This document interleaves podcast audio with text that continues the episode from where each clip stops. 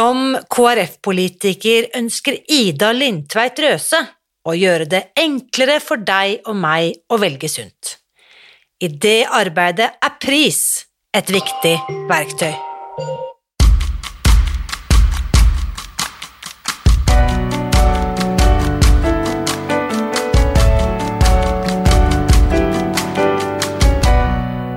Mitt navn er Irina Lie. Jeg er journalist og forlegger, gründer og sosial entreprenør. I 2015 spiste jeg meg fri fra overvekt og fedme etter å ha slitt med vekt, kropp og følelser i nesten 30 år. Etter at jeg knakk koden, ga jeg meg selv et nytt oppdrag – å dele denne kunnskapen med alle som trenger det. I denne podkasten kan du derfor høre hele lydboken Spis deg fri. Den finner du ved å bla deg tilbake i arkivet og lytte til første sesong. Hver uke inviterer jeg nå gjester som gir deg påfyll til hodet, hjertet og magen. For min visjon er å endre Helse-Norge, og det får jeg ikke til alene. Du bidrar ved å abonnere på podkasten, skrive en omtale i iTunes og tipse meg om hvem jeg burde invitere hit. Da setter vi i gang med ukens episode. Nå er det temmelig nøyaktig fire uker igjen til eh, stortingsvalget, og min ambisjon i denne valgkampen har vært å løfte folkehelse et hakk opp på den eh, politiske agendaen. Denne sommeren har jeg derfor invitert landets fremste helsepolitikere til denne podkasten. Alle de største partiene er blitt invitert, og i dag er turen kommet til Kristelig Folkeparti. Ida Lindtveit Røse topper valglisten til KrF i Akershus, og hun har planen klar for hva hun vil fokusere på dersom hun får velgernes eh, tillit. Her er ukens gjest. Velkommen til podkasten, Ida. Takk for at du hadde tid og anledning til å være med her. Takk for at jeg får komme. Veldig hyggelig. Du er jo da førstekandidat for Kristelig Folkeparti i Akershus. Og når dette blir sendt, så er det en drøy måned igjen til valget. Aller først må jeg bare spørre deg, hva er det som motiverer deg til å stille deg til disposisjon for partiet og nasjonen, for å si det sånn? Hva er det som er øverst i ditt brennende KrF-hjerte? Jeg har vært engasjert i KrF og ungdomspartiet, da KrFU, i veldig mange år. Men etter jeg selv fikk barn, så har jeg blitt spesielt opptatt av familiepolitikk, men også kvinnehelse. Barselomsorg og oppfølging. Så jeg skal si én ting som jeg som jeg virkelig brenner for og ønsker å komme på Stortinget for å forandre, så er det ta kampen for en bedre familiepolitikk og en bedre kvinnehelse. Mm. Og det går jo midt til kjernen av det vi snakker om i denne podkasten hver eneste uke, fordi overvekt og fedme er selvsagt Det er jo et befolkningsproblem, men det er også spesielt knyttet til en del av de kvinnehelseutfordringene mm. vi står overfor. Men hvis vi skulle ha zoomet litt ut først, eh, hva vil du definere som den største helseutfordringen Norge står overfor det neste tiåret? Jeg vil nok Det er jo flere, selvsagt, store helseutfordringer, men en av de største vil jeg si at det er psykisk helse. Det er veldig urovekkende hvor mange unge som sliter. Eh, og ikke minst hvor vanskelig det er å fange opp. For eh, alle eh, fysiske utfordringer kan være lett å fange opp hvis man ja, typisk hvis man brekker et bein, så er det ganske tydelig, og man får hjelp meget raskt. Men hvis man sliter psykisk, så kan det ta lang tid før man selv forstår det, og det kan ta enda lengre tid før noen andre forstår det. Og er det mm. noe vi vet at må fanges opp raskt, så er det nettopp det. Så psykiske helseutfordringer tror jeg er noe av de største utfordringene vi står overfor. Både rent eh, personlig for de menneskene som eh, opplever det, men også at hjelpeapparatet må bli bedre for å fange det opp og, og bistå eh, og hjelpe personer som mm. sliter. Og det er jo litt, hva skal vi si viser også hvor komplekst dette er, helt fra det individuelle, både ansvaret og mulighetene det hver og en av oss har, og sant, hjelpeapparatet som du er inne på, og ikke minst også de folkevalgte og hvilke rammebetingelser som legges til rette for da, eh, å kunne gjøre dette mer tilgjengelig og bedre tilrettelagt. Absolutt, og ikke minst eh, ja, hvordan man bevilger penger. Ehm, for eh, det er klart at i helsevesenet også så må det politiske prioriteringer til for å prioritere psykisk helse. Ehm, hvis ikke så går pengene til andre områder. Ehm, mm. Så det har vært noe av det som KrF også har jobbet eh, spesielt for, og også retta mot barn og unge. Da. Det var jo vi som foreslo en opptrappingsplan på psykisk helse for barn og unge. Eh, og hvor viktig det er. Mm. Og så vet vi selvfølgelig også at psykisk helse det er jo på ingen måte avskåret fra fysisk helse. Nei, I min erfaring at veldig mange av de som sliter psykisk, de får jo også andre eh, mm. somatiske lidelser, så dette henger jo selvfølgelig tett sammen. Mm, det gjør det. Men hvis vi da, eh, blant annet da kan jo være tett knyttet opp til eh, tematikken som vi snakker om i denne podkasten veldig ofte, nemlig overvekt og fedme, og det at eh, mat kan jo være en måte jeg velger å trøste meg selv på for å ivareta meg selv psykisk, men faktum er jo at vi blir, nordmenn blir tyngre og tyngre. Og hva tenker du er de viktigste verktøyene vi, vi har for å motvirke denne trenden? Jeg tror noe av det viktigste er um, at barn og unge uh, får uh, god undervisning uh, i skolen. At man tar seriøst f.eks. mat- og helsefaget. At man lærer seg å lage ordentlig og næringsrik mat. Og eh, også hvordan eh, mat er satt sammen, hva man eh, bør spise mer av, f.eks. Eh, og også eh, mer fysisk aktivitet eh, inn i skolen, sånn at det kommer tidlig. for jeg tror mange, i hvert fall som meg, når man blir studenter, har vært vant til å ja, eh, kanskje spise det man får servert hjemme. Og eh, for meg så gikk det mye i, i nudler med ketsjup, for å si det sånn, da jeg ble student. Fordi at jeg aldri vært spesielt opptatt av mat. Eh, sånn at eh, for meg var det bare noe å putte i, i munnen for å sylne sulten. Og, og, da ble det ikke så veldig mye næringsrik mat, for å si det sånn. Mm. Eh, jeg selv fikk ansvar for å, for å lage den. Så det tror jeg er kjempeviktig. Kunnskap om mat og hvordan eh, mat påvirker kroppen. Mm. Tenker du det at det primært er skolens ansvar å formidle den kunnskapen? Jeg tenker vel primært at det er eh, familien og foreldrenes ansvar eh, å formidle den kunnskapen, men eh, noen ganger så er det sånn at foreldrene ikke har den kunnskapen. Og eh, jeg tror det er kjempeviktig at vi f.eks. har et mat- og helsefag i skolen. At det er en naturlig del av det man også skal lære. På lik linje med eh, at man skal eh, lære å regne, så må man også lære hvordan kroppen fungerer. Mm. Men altså for veldig mange barn så er det sånn at man tilegner seg det kostholdet som familien har. Så det å lære mer om det på skolen kan jo bidra til å motvirke Eh, eller også lære opp eh, foreldrene der det er eh, viktig. Men, men det primære opplæringen tror jeg kommer gjennom foreldrene, som regel. Ja. Eh, monkey see, monkey do. Altså det vi selv på en måte ser at våre foreldre gjør, eller rollemodellene våre, våre gjør, så er det jo lett å ta etter den typen atferd, selvfølgelig.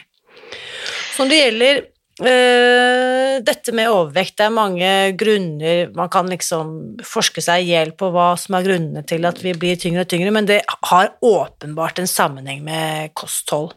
Mm. Hvordan er dette i KrF? Uh, hvilke tiltak, altså hvis vi tenker liksom uh, regulatoriske inngrep, eller på en måte rammebetingelser. Hva er det som KrF legger vekt på der for å, for å, kanskje oppmuntre oss til å velge sunnere eller ta klokere valg når det kommer til mat? Altså det viktigste er at det både er enkelt eh, å velge sunne matvarer, eh, at informasjonen er tilgjengelig, eh, men også at eh, det lønner seg. Å velge sunn mat. Og der er det jo noe som vi politikere kan gjøre. og Derfor har jo også KrF vært tydelig på at vi ønsker en sukkeravgift. Vi ønsker en alkoholavgift. Fordi det bidrar til å gjøre produktene dyrere, og at forholdet til sunne produkter blir eh, annerledes. Men det er klart at butikkene også har masse å si. Sant? Hvor er det man plasserer varen, Eh, det er ganske ja, Nå er det en del butikker som kanskje har blitt bedre på å plassere frukt og grønt også ved kassa, men eh, eh det er oftest godterihyllene vi går igjennom før, eh, før vi skal betale. Eh, men også dette med informasjon syns jeg er kjempeviktig.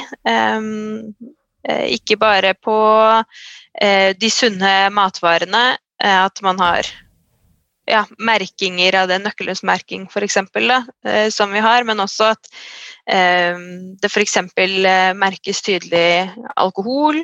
Eh, så, så, det er noe som KrF har vært eh, opptatt av. At ja, det skal både lønne seg, og man skal ha kunnskap nok til å velge sunt overfor usunne varer. En, en vanlig, et vanlig motargument mot dette med avgifter er jo at det vil bare øke handelslekkasjen. At da vil flere eh, reise til Sverige og hamstre søtt og godt alkohol eh, der. Eh, hva tenker du om den argumentasjonen? Jeg tenker den er litt hul, fordi det forskning viser er jo at økt tilgjengelighet gir Eh, økt bruk, enten vi snakker om alkohol eller sukkerholdige varer for den saks skyld, usunne varer. Ehm, og hvis vi gjør eh, det mer tilgjengelig, så vil folk spise og drikke mer av det. Ehm, men det er åpenbart at vi har en eh, handelslekkasje mot Sverige, og et viktig grep var jo å redusere eh, momsfritak f.eks. som var. At man kunne jo eh, kjøpe godteri fra Sverige til 350 kroner og, og plukke det opp i, i butikken på hente post i butikk. Eh, og det er jo strammet inn, eh, og det tenker jeg er veldig eh, viktig. Eh, men jeg tror fortsatt at et relativt høyt avgiftsnivå, det er viktig å opprettholde. Ja, at det hjelper oss å ta smartere valg. Mm. Og så er det dette argumentet med at eh, hva med å kutte momsen på frukt og grønt, eh, er det noe KrF har tatt stilling til? Ja, vi har jo hatt et ønske om det. Eh, og så er jo motargumentet der da, at butikkene setter opp prisen tilsvarende. Men det uansett å bruke skatte- og avgiftssystemet for at folk skal ta smartere valg, det er noe som KrF har tro på.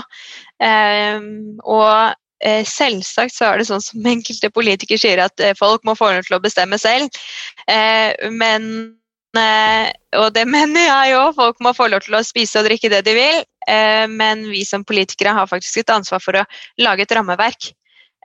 Og jeg mener det er ganske naturlig at vi har avgifter på det vi ønsker at folk skal få bruke mindre av. Og at det mm. skal bli billigere å velge det som er bra at man velger mer av. Ja. Så at staten formidler god informasjon og legger til rette for ulike måter, inkludert dette som du er inne på her, med skatte- og avgiftsinsentiv. Men når det gjelder de statlige rådene, eh, der er jo gullstandarden og har vært innen de siste 20 årene, og den dag i dag, hvis du logger deg inn på Helsedirektoratet sine offentlige kostråd til deg som ønsker å gå ned i vekt, er jo da å spise mindre og bevege deg mer. Hva, hva, tenker, eh, hva, tenker, du om denne typen anbefalinger til de som ønsker å, å, gå ned i vekt? Jeg tenker kanskje at det viktigste for noen som ønsker å gå ned i vekt, er å eh, snakke med eh, noen Eh, å få god veiledning, eh, ikke bare gjennom eh, nettsidene. For man leser informasjon ulikt, og for en del så kan det godt være at de statlige anbefalingene kan virke overveldende, eller at de ikke funker, eller ja, det, det kan slå ut individuelt, men jeg syns det er viktig at staten har noen statlige anbefalinger som er basert på Eh, forskning. Eh, og eh, jeg som politiker skal ikke blande meg så mye inn i, inn i hva slags type råd og anbefalinger det er, eller gi noen andre type råd og anbefalinger. For det er jo nett nettopp det vi har fagfolk til. Men jeg tenker jo at eh, hvis man ønsker en livsstilsendring, så er det eh, viktig å samtale med eh, noen som kan hjelpe godt med det, nettopp for å få til en langvarig eh, endring. Eh, og mm. at man ikke sitter med det selv. Det tenker jeg. Snakke med noen er jo alltid gulltips, uansett hva man trenger hjelp med. Og problemet er liksom som du er inne på, at det beste er jo hvis uh, myndighetene kan gi forskningsbaserte råd. Og forskning, all forskning viser jo at dette rådet, nemlig om å spise mindre og bevege seg mer, det funker jo ikke. Har aldri funket, kommer aldri til å funke. Uh, og undersøkelser viser at én av 10 000 mennesker, én av 10 000 personer, klarer å følge det rådet og opprettholde vekttapet etter syv år. Så eh, det er bare interessant å se hvor lenge eh, misforstått kunnskap, da, eller ikke forskningsbasert kunnskap, kan fortsette å leve videre. Så det er jo eh, en stor jobb som må gjøres der. Um, og uh, i forlengelsen, liksom, som du sier, snakke med noen, og da er det kanskje lett å tenke på fastlegeordningen, som vi alle sammen har tilgang på. Dette med, og for å knytte dette sammen med dette med psykisk helse, og det tar kanskje mer enn tolv minutter å komme til kjernen av problemet når jeg sitter hos min fastlege og skal snakke om det som plager meg. Hva tenker du rundt dette, uh, Ida? Uh, måten helsevesenet er lagt opp for å hjelpe de som trenger hjelp? Jeg tenker at fastlegeordningen er viktig, men Eh, at det også er viktig at fastlegene har tid til å snakke med pasientene sine. Og det er jo noen fastleger som har eh, veldig lange lister, eh, hvor tidspresset blir stort. Men det jeg tenker er bra med en fastlege, er i hvert fall at hvis man har en god fastlege, og for all del hvis man merker at man ikke trives med fastlegen sin, så må man bytte. For det har man mulighet til. Jeg må bare si det. Og ikke akseptere at man har en fastlege man ikke er komfortabel med å ha. Um, men at man kan kjenne fastlegen sin, og at man ikke møter ulike uh, leger hver gang man går på legekontoret. Det tror jeg er en positiv eh, del ved den ordningen. Um, men jeg tror også at kunnskapen hos fastlegene eh, om vekt, men også psykiske plager, hvordan det kan endres, at det er viktig Eh, når man velger fastlege, at man har en fastlege som har kunnskap om det. Mm. Og øh, jeg har snakket med flere politikere denne sommeren, og så pleier jeg alltid da å skyte inn, eh, fordi en av dem spesielt la veldig vekt på dette med eh, egne erfaringer og kunnskaper man har, har, med seg basert på eget liv. Da blir jeg bare nysgjerrig. Da har du selv slitt med vekten noen gang? Nei, det kan jeg ikke si at jeg har. Eh, men eh, da jeg var gravid med første barnet, eh, så fikk jeg Ja, det viste seg jo etter hvert at det var svangerskapsforgiftning. Men jeg fikk da enorme mengder vann i kroppen og gikk opp ekstremt mye. Jeg gikk opp 45 kilo i graviditeten, så jeg var veldig, veldig mye større enn jeg pleier å være. Og da skal jeg innrømme at jeg var ganske bekymra for hvor, altså, om jeg kom til å greie å gå ned, eller hvordan kroppen skulle greie å reagere på det i etterkant. Eh, nå var jo mye av det vann, eh, men likevel, eh, det å være gjennom graviditeter er jo også noe som påvirker kroppen stort, og som også kan være starten på utfordringer. Eh, nettopp fordi at kroppen forandrer seg så mye. Eh, så eh, det var jo på en måte ikke en hadde ikke en vektutfordring på den måten, men en, en utfordring med kroppen som følge av det. og jeg, jeg er veldig opptatt av at vi tar på alvor disse utfordringene fordi det handler som regel ikke kun om vekt. Eh, det kan også handle om eh, eh, hva slags selvbilde man har, hvordan man, hvis man ønsker en endring, at man skal få til det. Um, og at man skal også da få råd som funker, at man ikke ender med å ja, gå litt ned i vekt og så gå opp igjen uh, etterpå. Mm. Uh, og, og, oppleve at man feiler da, uh, på bakgrunn av det, for det tror jeg også mm. gjør veldig mye. Ja, og det, det blir jo en veldig negativ spiral, ikke sant? at ikke får jeg det til, og alle forteller Mm. meg at det er så enkelt at jeg bare burde spise mindre og bevege meg mer, og så får jeg da manglende mestringsfølelse, og så lett å tenke at det kan oppleves som skamfullt. Eh, og sånn som jeg vet også mange erfarer at de til slutt på en måte gir opp, fordi de er, ingenting av de rådene de får, faktisk fungerer, da. Men det, Og så er det jo veldig hvis jeg bare, ja, Unnskyld. Hvis jeg bare eh, kan legge inn av det med å spise mindre Det er jo ikke så veldig lett å ha kontroll egentlig på sitt eget kosthold heller. Eh, hvis man ikke har kontroll på det. Det er eh, lett å tenke at man spiser mindre enn det man gjør, eller spiser annerledes enn det man faktisk gjør. Um, og, og det er kanskje derfor et sånn type overordna mål eh, kan oppleves eh, som ganske langt eh, vekke fra, fra realiteten da, når man sitter Mm. oppi det. Men det som er interessant eh, i det du forteller, tenker jeg, er at eh, da har du faktisk hatt den opplevelsen på kroppen, da, for å si det sånn, hvordan det er å Mm. være så stor og tung og uh, uhåndterlig på en måte, som en så kraftig vektoppgang gir. Jeg, jeg tror den kunnskapen er det vanskelig å, å skjønne uten å måte ha, å ha båret den vekten på kroppen selv, da. Ja, det tror jeg også. eh, Men eh, spesielt kanskje også eh, hvis man har opplevd det på en litt annen måte enn enn meg, hvor vanskelig det er også å gå ned og ta det på alvor. For Og det er sikkert veldig individuelt eh, hvor lett og hvor fort man kan gå ned hvis man ønsker en livsstilsendring, men eh, jeg vet at det er veldig, veldig krevende.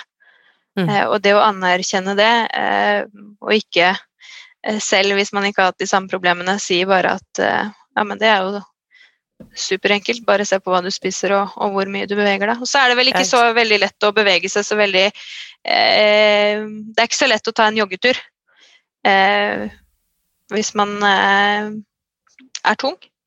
Nei, ikke sant.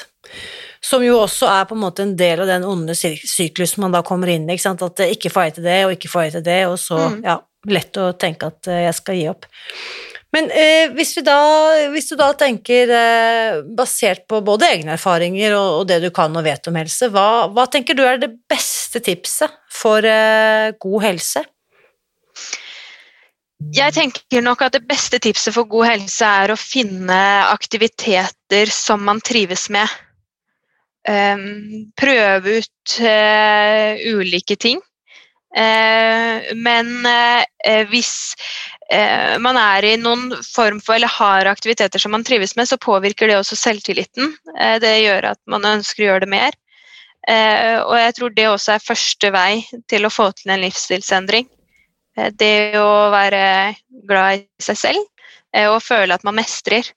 Ehm, Sånn eh, er det i hvert fall for meg at å ha aktiviteter som jeg føler at jeg mestrer, da Mm. det gjør noe positivt med meg. Og hvis det også er aktiviteter som f.eks.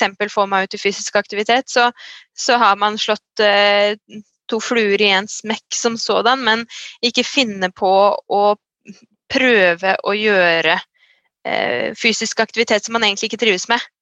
eh, Mm. Bare fordi at man skal eh, eh, være aktiv. Heller gå noen ekstra runder for å finne noe man liker.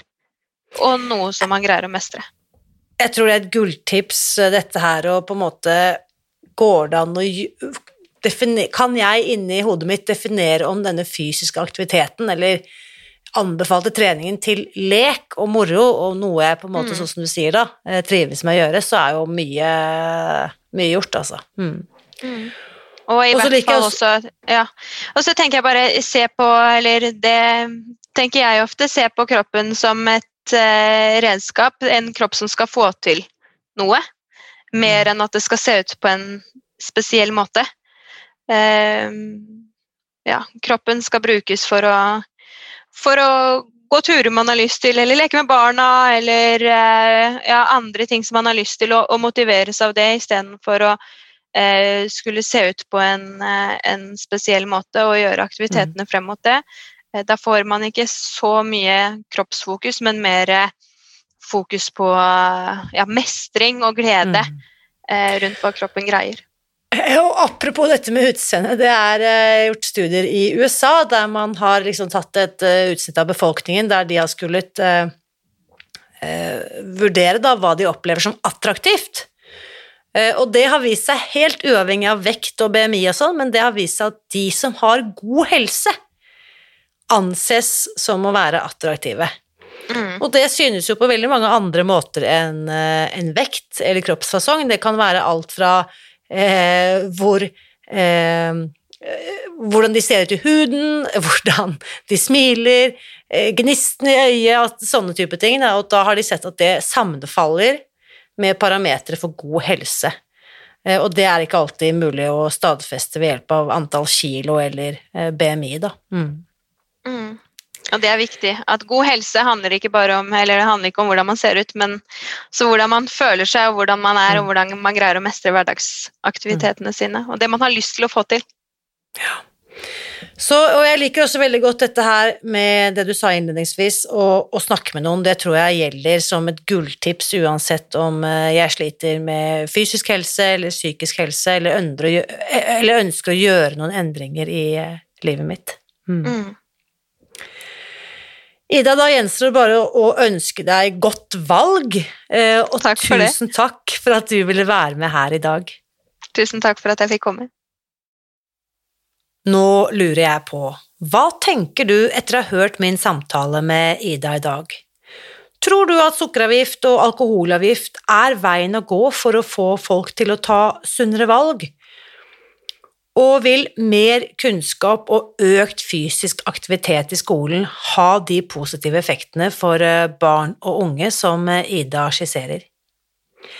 Samtalen etter ukens episode fortsetter som vanlig i Facebook-gruppen Spis deg fri, så bli med der og del dine tanker etter å ha hørt dette. Og i morgen så starter et nytt skoleår, og selv om jeg ikke har noen planer om å begynne på skolen igjen med det første, så føles det likevel alltid som om denne tiden av, av året er liksom en slags ny start også for meg, og det, det må jeg innrømme at det liker jeg veldig godt. Kanskje har du det også sånn nå på tampen av ferien og på tampen av sommeren. I så fall så vil jeg veldig gjerne hjelpe deg med å komme i gang med en ny og lettere hverdag denne høsten. Mitt beste tips til deg akkurat i dag vil være å teste ut det nettbaserte startkurset vårt. Her finner du gode tips og enkle oppskrifter for å spise deg fri fra overvekt, søtsug og kostholdsrelaterte helseplager. Og du finner mer info om eh, startkurset ved å gå til våre nettsider på www.spisdegfri.no startkurs. For det meste i livet handler jo om eh, valg, og fremtiden som venter på meg, avhenger av de valgene jeg gjør i dag. Så hvis du er klar for å gi deg selv et lettere liv dette skoleåret, så vil jeg oppmuntre deg til å sette i gang i dag. Og du finner all den informasjonen du trenger for å ta kloke helsevalg på nettsidene våre på spisdegfri.no startkurs. Husk også at uansett hva du velger å fylle dette skoleåret med, så vit at jeg heier på deg. Alltid.